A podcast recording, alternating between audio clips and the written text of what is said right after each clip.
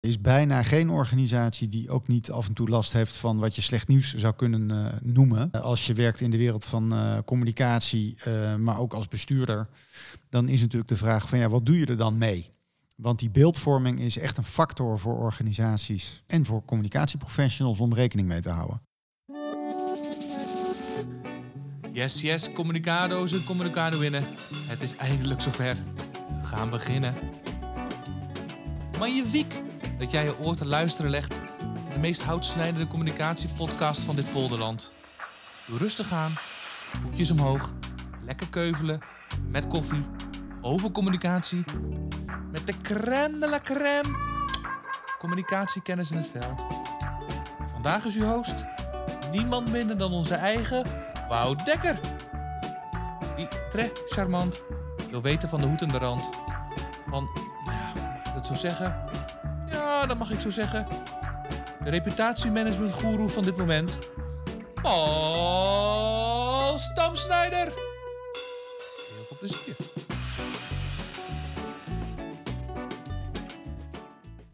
De afgelopen weken worden we geteisterd door schandalen waarbij reputaties van voorheen geliefde of gerespecteerde personen en organisaties blijvend beschadigd lijken. Welke reputatieaanpak kan hier nu eigenlijk tegenop? Kijk eens naar de Voice, de PvdA, Ajax, politievakbond ACP, de politieke partij Volt. Maar hoe werk je aan de reputatie van een onopvallende organisatie die misschien wel bij niemand top of mind lijkt? Daarover praat ik met Paul Stamsnijder. Paul Stamsnijder is directeur en oprichter van de Reputatiegroep. Het is een opinieleider als het gaat om reputatie. Hij is vaak in de media om commentaar te geven op situaties. En wij hebben hem hier aan tafel aan de Malibaan in Utrecht. Paul, welkom. Wout, mooi om hier zo samen te zijn. Ja. Goed dat je er bent. Die schandalen. Ja, je zegt het ook al met een dramatische ondertoon in de stem. Ja, er is natuurlijk iedere dag slecht nieuws, waarbij uh, reputaties onder vuur liggen. Je ziet dat dat af en toe gaat dat over bekende personen, maar er is bijna geen organisatie die ook niet af en toe last heeft van wat je slecht nieuws zou kunnen uh, noemen. En uh, als je werkt in de wereld van uh, communicatie, maar ook als bestuurder, dan is natuurlijk de vraag van ja, wat doe je er dan mee? Want die beeldvorming is echt een factor voor organisaties en ook voor bestuurders en voor communicatieprofessionals om rekening mee te houden. En er zijn ook mensen die zeggen dat er een soort obsessie is voor beeldvorming in Nederland. Maar we kijken eigenlijk naar het nieuws alsof we naar een soort voetbalwedstrijd kijken van wie wint er, wie verliest er en daar gaat het fout. En dan vinden we daar ook met z'n allen wat van. En dat laten we ook via social media natuurlijk allemaal mee weten. Dus ja, het is een zeer actueel onderwerp. Nou zijn wij als uh, podcastserie vooral gericht op communicatie. Mensen die luisteren veel naar ons. Mensen die in bedrijven werken, besluitvormers, beslissers. Ja, hoe kijk jij er tegenaan als je kijkt naar reputatie? Wat, wat, wat is het eigenlijk, reputatie? Want je hebt het over reputatie, je hebt het over beeldvorming, nou, imago. Ja. Leg even neer of leg even uit. Re reputatie is populair gesteld wat ze over je zeggen achter je rug om. En als je het iets poëtischer duiding geeft, dan uh, zou je kunnen zeggen: het is de plek die je hebt in het collectieve bewustzijn. Uh, neem uh, drie banken, ABN AMRO, ING en Rabobank.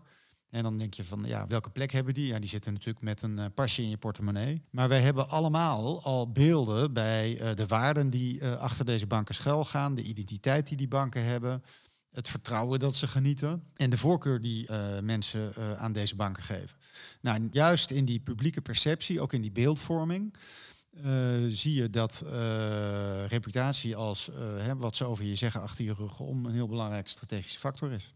En hoe kun je daar als organisatie aan werken? Ja, dat is een mooie. Er zijn allerlei wijsheden die ook in de communicatiewereld uh, worden uh, gehuldigd als uh, hè, vertrouwen komt te voet en gaat te paard. En zonder verhaal heb je niets te vertellen. En walk your talk. En misschien is het aardig om daar ook zo meteen eens wat dieper op in te gaan. Want een van de facetten die je ziet is dat daden zeggen meer uh, gedrag eigenlijk het meest bepalend is voor een goede reputatie. En uh, ja, wat is dat gedrag dan? Nou, dat zie je in het organisatiegedrag. Wat ook uiteindelijk veel communicatiever is dan welke campagne ook. En daar zie je direct ook het ongemak van de communicatieprofessionals die aan de ene kant wel geacht worden om dat gedrag te verklaren en uit te leggen en uh, betekenis te geven. En aan de andere kant de onmacht om daar invloed op uit te oefenen. Van ja, er gebeuren gewoon dingen die je niet in de hand hebt. Maar als je regie wil op hè, wat ze over je zeggen achter je rug om, dan betekent het, het zet vooral in op gedrag. En een heel belangrijk facet daarbij is dat die context ook heel belangrijk is. Hè, dus op het moment dat nou, alle voetbalclubs onder vuur liggen, ehm, dan kan je eh, als individuele voetbalclub eh, doen wat je wil. Maar je hebt ook te maken met de verwachtingen die er zijn ten aanzien van de categorie. Nou, en een heel belangrijke notie die wij belangrijk vinden is, het gaat voornamelijk over dat gedrag. Wie is wij? Wij van de reputatiegroep. En eh, de grap is dat dat heel erg gaat over het gedrag. En een tweede notie die we door de jaren heen wel hebben ontdekt is, um, er wordt heel snel over vertrouwen gesproken. En dan gaat het over vertrouwensherstel en hoe gaan we dat vertrouwen meten. En aan de ene kant is dat een hele relevante factor, want het gaat natuurlijk uiteindelijk over vertrouwen. Maar hoe kom je nou tot dat vertrouwen? hebben wij eigenlijk ontdekt dat het voornamelijk toch gaat over het kennen en herkennen van de verwachtingen die er zijn in de samenleving. En dat is een hele gekke. En dat is ook wel een soort tip aan, aan communicatieprofessionals om op te letten om niet te snel te vervallen in onderzoeken die uh, vaststellen wat is nou het vertrouwen. Maar veel meer te gaan kijken van wat zijn nou die verwachtingen? Want daar zit een kneep als je kijkt naar nou, een voorbeeld. Een voorbeeld, ja, ik wou net vragen. Een voorbeeld. De verwachtingen ten aanzien van de BV Nederland, het bedrijfsleven in het algemeen. Uh, VNO, NCW, maar ook alle grote uh, bedrijven, dus multinationals. Daar wordt heel erg veel van deze bedrijven verwacht. Namelijk dat ze goed werkgever zijn, dat ze uh, het klimaatprobleem helpen oplossen. Duurzaam. Dat, dat ze verduurzamen. dat eigenlijk tegen de achtergrond van een terugtredende overheid, dat zij nou, de maatschappelijke vraagstukken eigenlijk oplossen. En dan noemen we dat ook tegenwoordig purpose, dat je meer doet dan waar je uh, wettelijk toe verplicht bent. Dat je een, een, betekenis hebt die verder gaat dan uh, je strikte rol. Uh, en waar, waar zit nou de kneep? Dat een heleboel van die verwachtingen, daar lopen die bestuurders natuurlijk tegenaan. Die zien van ja, weet je, er wordt hier van alles van ons verwacht. Die verwachtingen die zijn hoger dan ooit. Maar ze zijn ook vaak heel tegenstrijdig. En ze zijn soms ook zelfs botsend.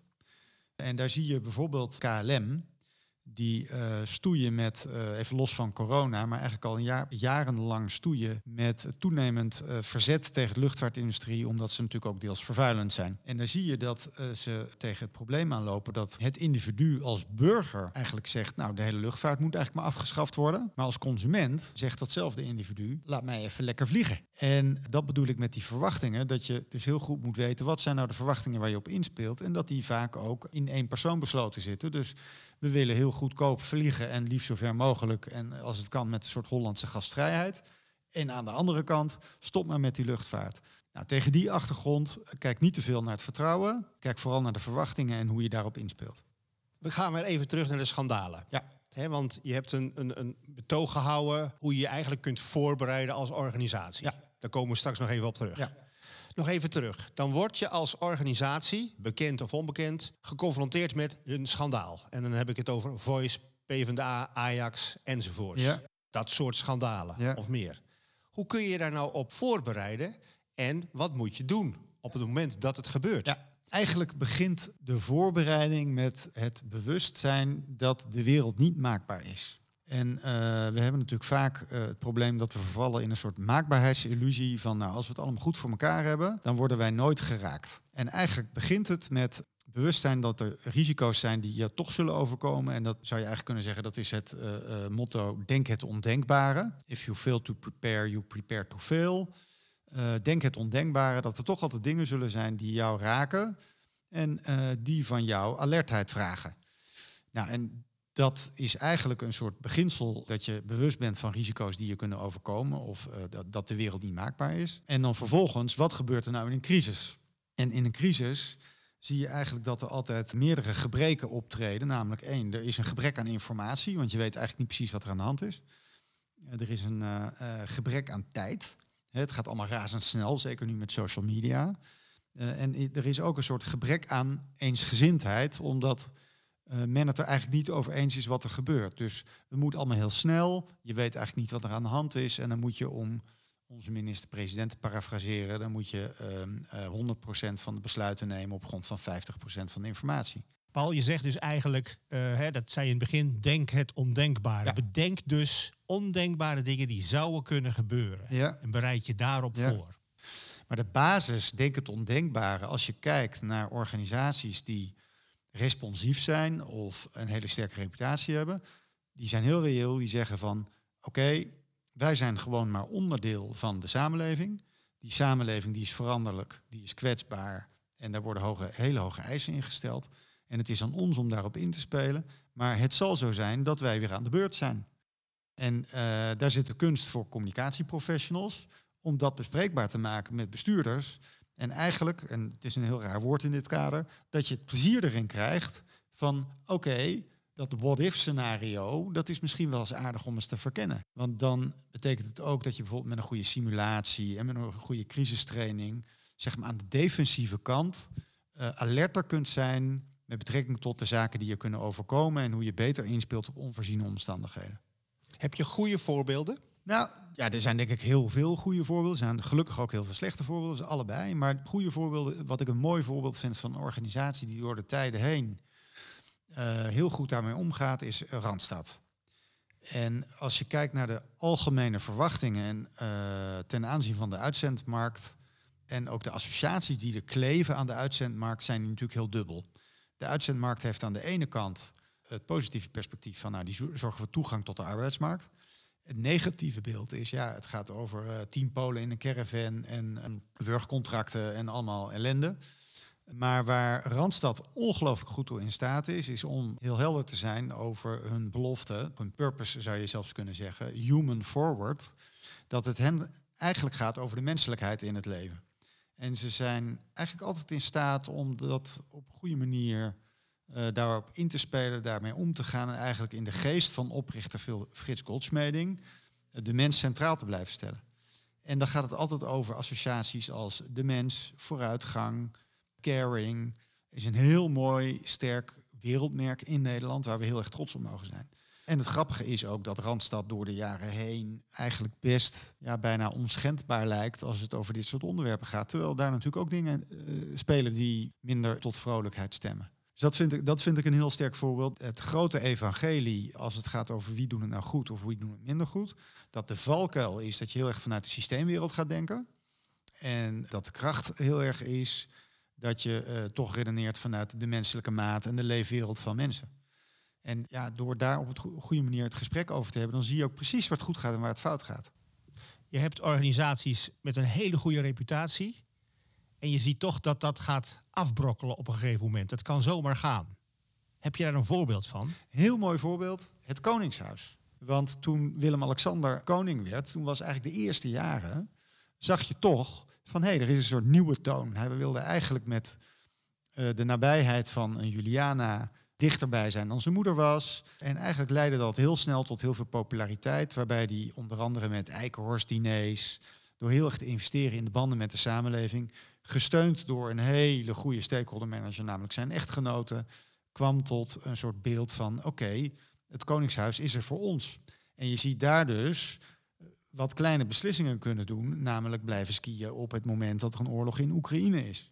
Op vakantie gaan op het moment dat het niet mag. Uh, een feestje van een dochter, wat iedereen menselijkerwijs begrijpt, maar wat niet kan, uh, gezien omdat de coronamaatregelen daar met voeten werden getreden. En ik denk dat het Koningshuis een prachtig instituut is. Dat is natuurlijk een, een, een overtuiging, dat is een mening die ik hier verkondig.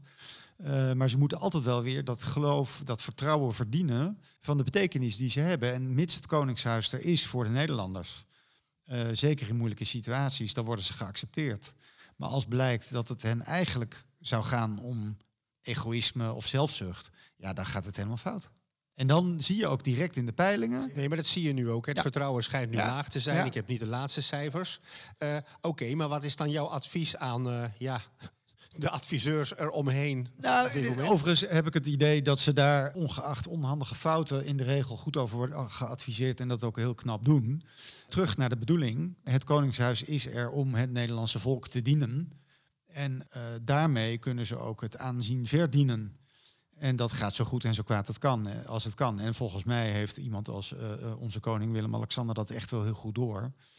Uh, maar in het systeem waarin ze zitten, uh, is het niet altijd even makkelijk om daar juist de keuzes in te maken. En hebben ze ook, ja, laten we eerlijk zijn, niet altijd een gelukkige hand. We gaan even naar um, organisaties die wat onopvallender zijn. Hè. Kijk, we hebben grote namen. Ja. Ajax, ja. hoe groot je het ook vindt, Voice. Ja. We noemen de Randstad.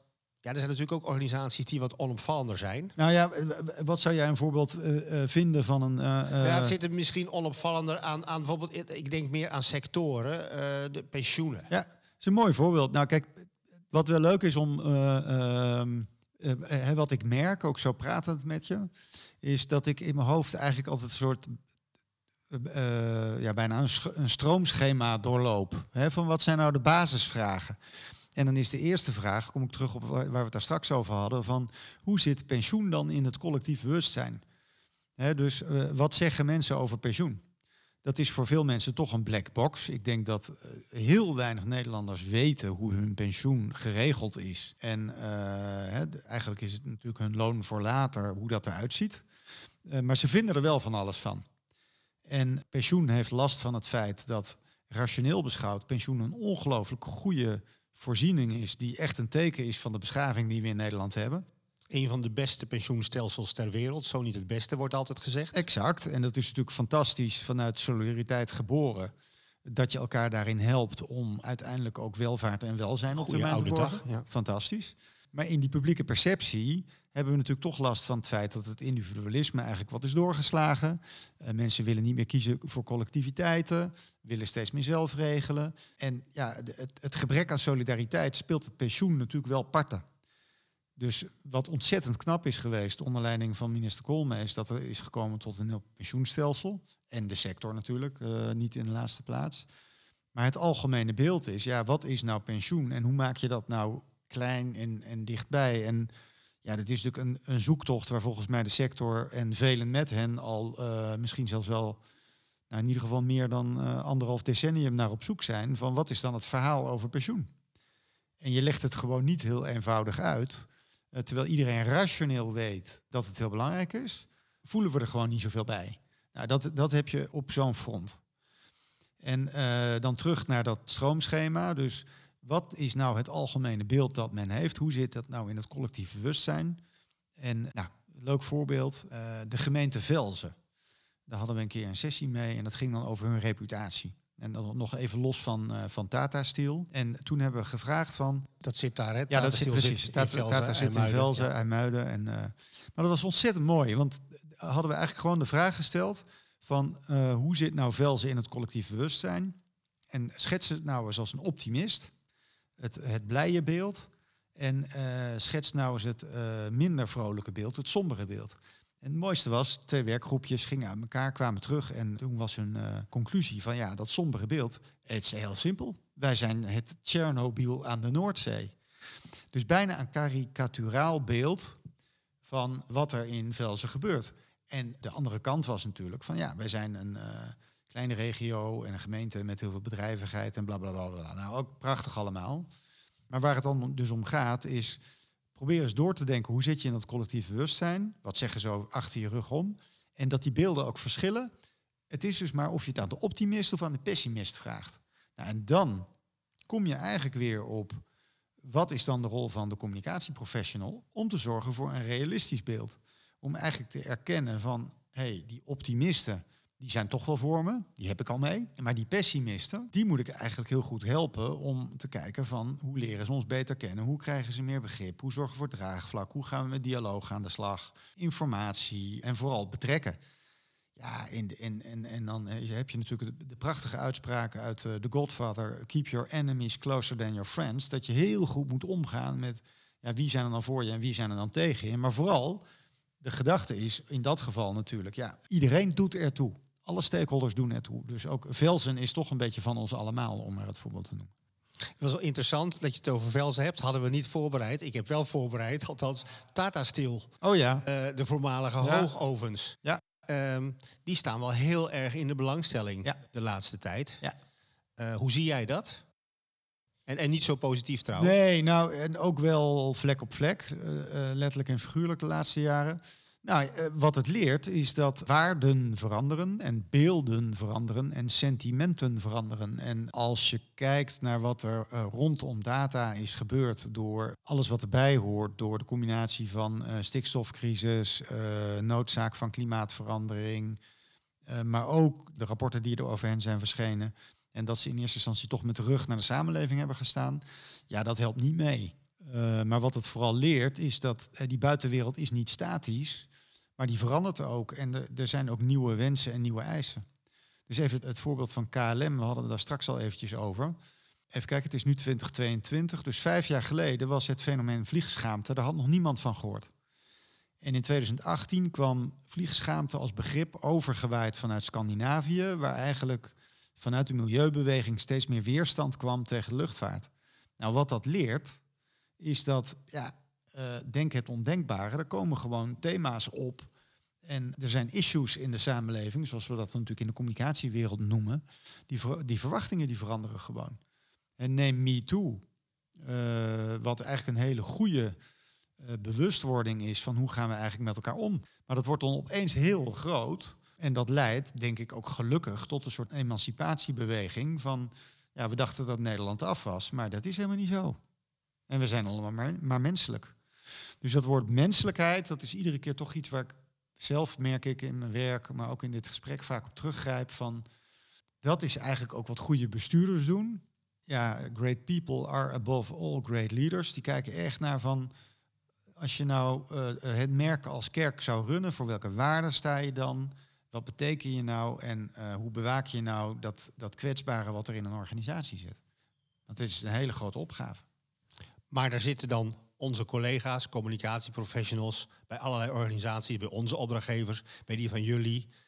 Waar moeten zij nou mee bezig zijn dan? Nou, wat, wat, wat ik een. Uh, Ooit werd ik uh, hoofdvoorlichting bij uh, wat nu PostNL heet. En toen zei de toenmalige CEO... ik wil dat je me eens helpt uh, dat er hier eens wat minder wordt gecommuniceerd. En ik begon eigenlijk te lachen. Ik dacht, oh, dat is wel grappig. Dus woordvoering en communicatie. Dan, en, ik vroeg ook, wat bedoelt u daarmee? En toen zeiden ja, wij zijn een postbedrijf. En mijn teammanagers die houden ook zelf enorm van het versturen van brieven. Dus de gemiddelde postbezorger, postbode, die krijgt één brief per week van zijn leidinggevende. Die worden daar helemaal gek van. En toen begreep ik van, hij heeft natuurlijk helemaal gelijk. Hij heeft helemaal gelijk. Alleen, ik zat natuurlijk als uh, jonge hond in de drive van, nou, we gaan eens even zorgen dat hier lekker veel gecommuniceerd wordt, want dan doe ik mijn werk goed. Onzin natuurlijk. En hij bracht mij heel goed met de voetjes op de grond van, waar voeg je nou waarde toe en waar niet? En waar gaat het hier nou binnen deze organisatie over? En hij zei van, eigenlijk is een organisatie een verzameling routines die rust moet hebben om zijn werk te kunnen doen. En soms is het zo dat stilte veel meer nodig is dan al dat gelawaai van uh, alles en iedereen en van voorlichters in het bijzonder, grapte hij dan naar mij. We hebben het over reputatie. We hebben het over als er dan schandalen ontstaan, als er crisis ontstaat. Dat is natuurlijk niet altijd zo gelukkig. Daar moet je op voorbereid zijn, is eigenlijk je boodschap. Is er verschil in de aanpak uh, tussen commerciële bedrijven en hoe overheidsorganisaties dat doen?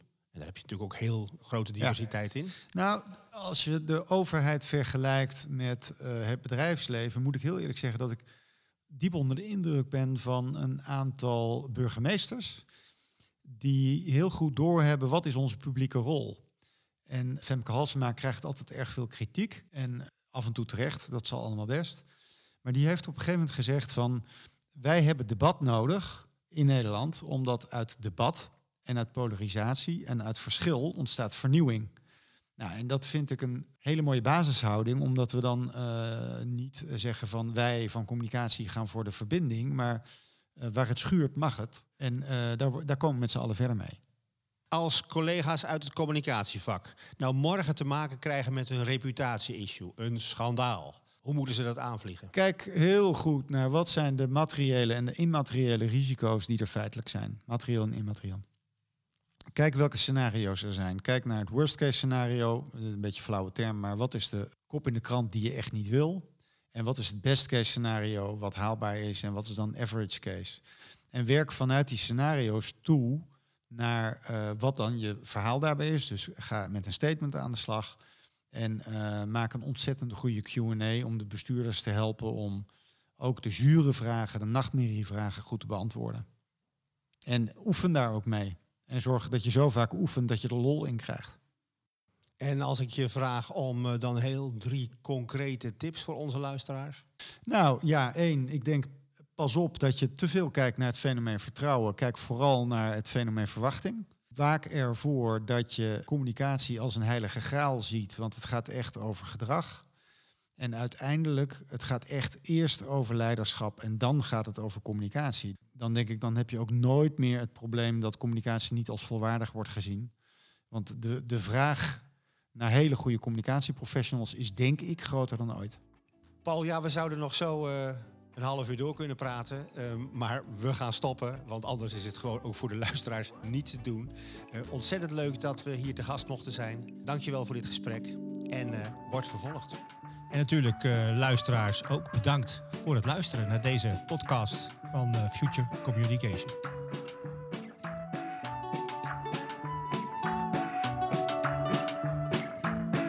Zo, lieve luisteraars. Dat was me het gesprekje wel. Dat zat er eigenlijk niet in, hè? Tips, tricks, goede verhalen, goede voorbeelden. Eigenlijk werd je helemaal klaargestoomd om aan de slag te gaan met het vraagstuk reputatiemanagement. Denk jij nou, ik zie voor mezelf ook wel een plek op de stoel van Getting Comfy With? Wij leggen ons oor graag te luisteren. Mail ons info at futurecommunication.nl Je mag ons ook bellen, mailen. Je mag ons ook faxen, tweeten, wat je maar wil. En misschien zien we jou bij de volgende.